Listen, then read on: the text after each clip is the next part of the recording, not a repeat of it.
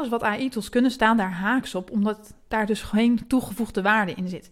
En je kan zeker hele goede content maken met AI. Ehm, ik doe dit ook voor klanten, ik doe dit ook voor mezelf, maar altijd op een andere manier.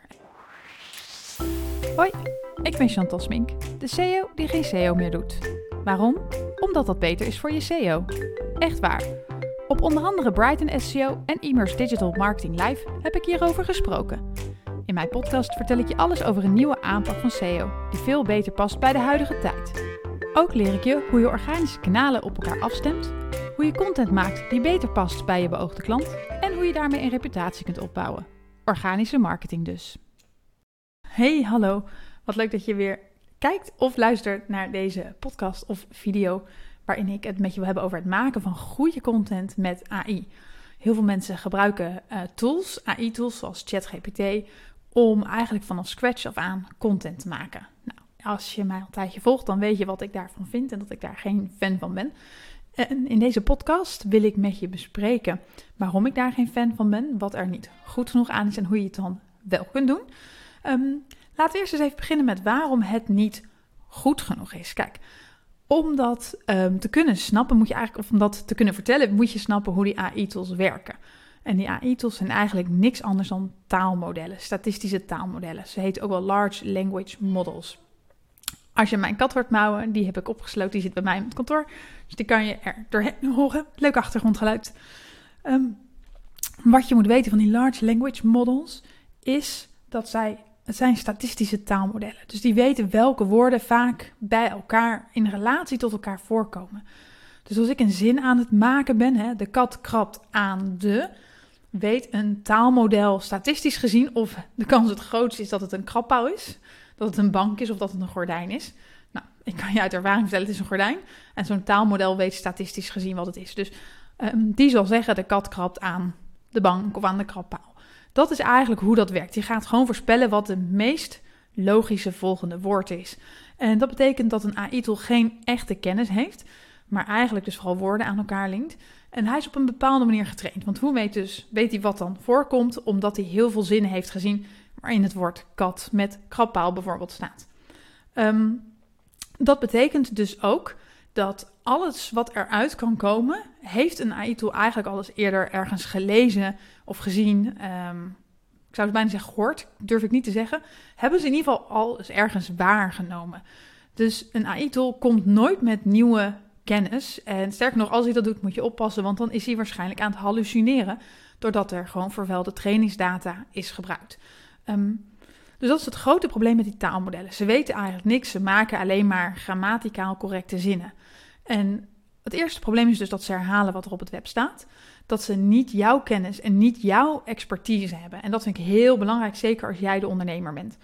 Als jij een stresscoach bent, dan weet jij hoe dat het beste gaat. Jij hebt met klanten gesproken, jij hebt jarenlang mensen begeleid. Dus jij weet het beter dan een taalmodel. Als jij het niet beter weet dan een taalmodel, dan denk ik dat je serieus moet afvragen um, ja, wat, wat, je aan het doen bent. Jij kan het niet anders dan het beter weten. Um, ehm, AI-tools hebben geen ervaring uit eerste hand. Ze bevatten dus ook niet jouw visie. Ze hebben geen kennis die niet al ergens staat. En het grote probleem is dat iedereen laat zich verleiden om content te maken met AI. Er komt dus echt een soort van content tsunami aan, textuele content tsunami. Um, en natuurlijk zijn er ook tools waarmee je video kan uh, maken. Maar tekst is natuurlijk het makkelijkste. En het grote probleem hier is dat, laten we gewoon eerlijk zijn, um, de meeste bedrijven maken content voor SEO. Dat is de enige motivatie waarom we het doen. Wij maken het niet voor onze klant. We maken het niet om een merk te laden. Nee, wij doen dat voor SEO omdat dat nodig is. Nou, als dat je drijver is, dan zit je dus met taalmodellen sowieso niet goed. Want het staat haaks op wat Google van jou wil. Als je mij volgt, heb je wel eens wat gehoord over EEAT. Dat is een eis van Google en dat staat voor Expertise, Experience, Authority en Trustworthiness. Google wil dus dat jouw content expertise bevat, dat het ervaring uit eerste hand bevat, dat jij een autoriteit bent en dat jouw content betrouwbaar is. Um, alles wat AI-tools kunnen staan daar haaks op, omdat daar dus geen toegevoegde waarde in zit. En dan is er nog iets wat jij moet weten. Um, Google kan niet alles meer opslaan. Ook dit heb ik vaker gezegd in mijn eerdere podcast. En dat is nog eens bevestigd door John Mueller van Google vorige week. Google kan niet alles opslaan. Zelfs hoge kwaliteit content kunnen zij niet meer allemaal opslaan. Er wordt gewoon te veel gemaakt. Betekent dus dat als jij hoge kwaliteit content maakt, ben je er nog steeds niet. Dan heb je een andere uitdaging. En dat is zoals ik het zeg, dat je de Gordon Ramsay van de markt moet gaan worden. Nou, daar heb ik ook weer andere podcasts over volgesproken. En heb ik ook op Brighton over gesproken. Dus dat ga ik niet nu hier bespreken. Dan kom ik ook niet uit met de tijd. Ehm, maar je moet dus als eerste hoge kwaliteit content hebben. En daarna moet je dus een soort van de Gordon Ramsay van jouw markt worden. Nou, laten we het eerst op dat eerste stukje gaan hebben. Hoge kwaliteit content.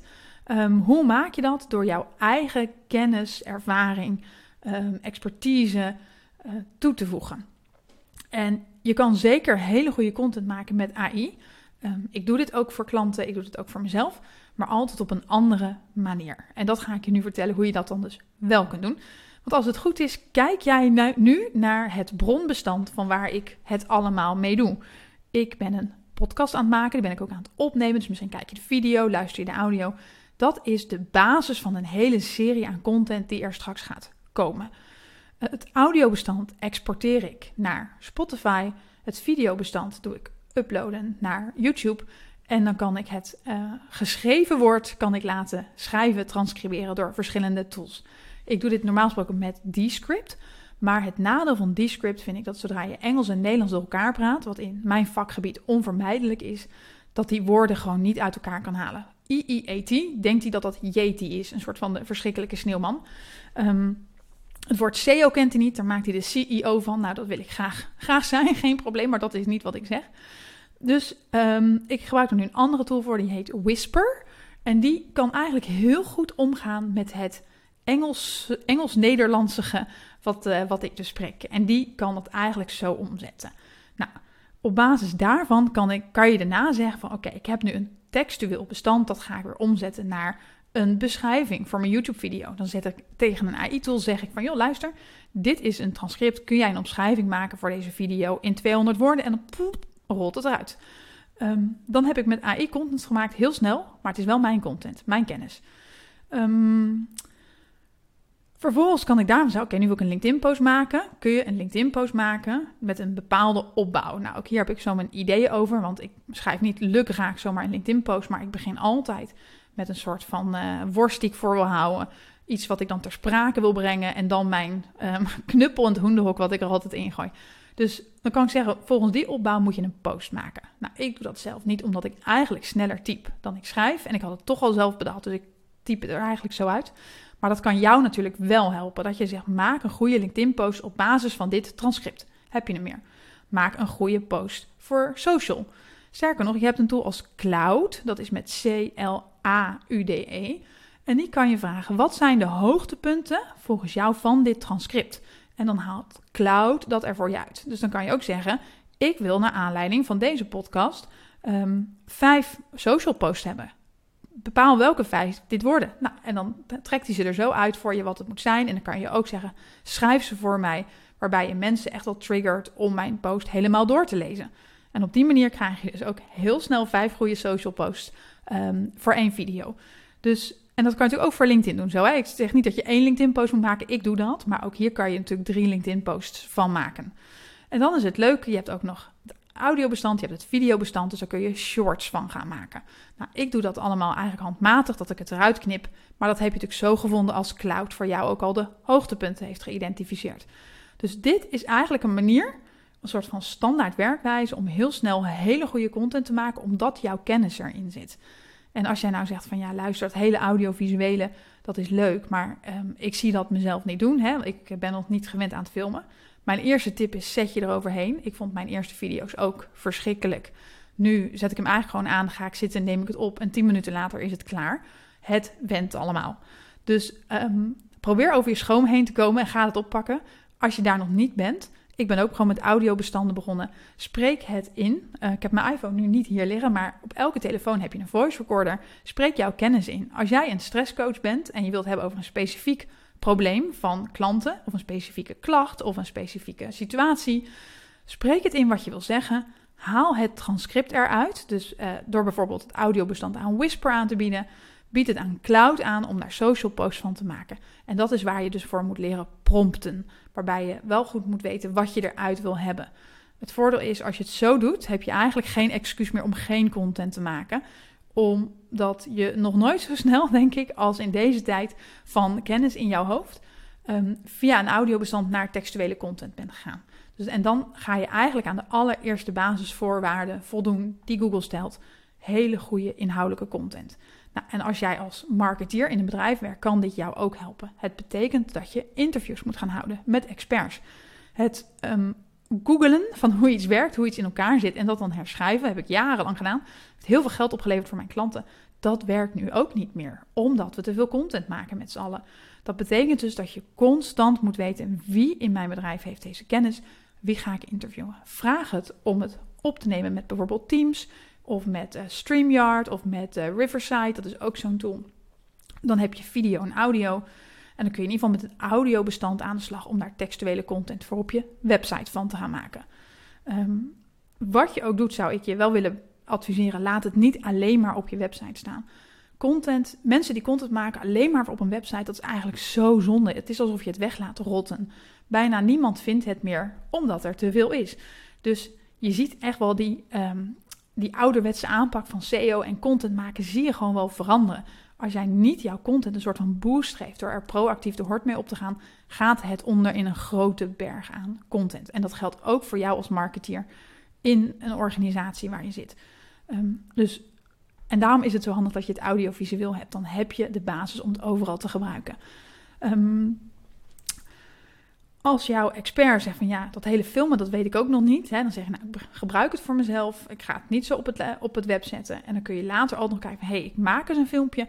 Ik bied het aan iemand aan van hey, ik heb er wat van gemaakt. Als jij het niet ziet zitten, publiceer ik het niet. Maar ik vind het wel heel goed. Wat vind je hiervan? Dan kan je ook nog een volgende stap zetten. Dus eigenlijk kun je op die manier heel makkelijk hele goede content gaan maken. En dat zit er maar ook meteen, denk ik, nu ik dit zo zeg, besef ik me waarom het maken van goede content straks helemaal, helemaal geen garantie meer biedt op indexatie. Op deze manier kan natuurlijk ook iedereen het weer heel snel gaan doen. En dat betekent dus dat die basisvoorwaarden, het is een hygiënefactor, maar als jij niet de Gordon Ramsay bent, kom je er nog steeds niet. Um, dus dat is wel echt een volgende stap die je moet, uh, moet gaan zetten. En um, om, om te zorgen dat je door de, de volgens mij de Engels noemen het de clutter, de clutter en de hele kakofonie aan content heen komt. Um, in ieder geval, ik hoop je hiermee wat geïnspireerd te hebben om het eens te gaan uitproberen. Um, Whisper is volgens mij gratis tot beperkt gebruik. Cloud is heel lastig, um, wordt steeds meer gelimiteerd. Je moet denk ik al een account hebben in Nederland, anders wordt het ook nog lastig om erbij te komen. Dat heeft met volgens mij met regelgeving te maken. Ik heb hem nog, maar als je het audiobestand hebt getranscribeerd met Whisper, kan je ook ChatGPT vragen om de hoogtepunten eruit te halen. Die doet het misschien iets minder goed dan Cloud, um, maar komt ook een, een heel eind. Um, dus ga er eens mee aan de slag. Ga het eens uitproberen. Ga eens kijken hoe je die tools op deze manier kunt gebruiken. Druk niet gewoon lui op de knop van ChatGPT. Schrijf een contentartikel voor mij over vijf tips en trends in HR. Want dat heeft iedereen gedaan. Ga zelf je kennis ophalen en zet het eigenlijk in een handomdraai om naar allerlei mooie content. Ik wens je er heel veel plezier en heel veel succes mee.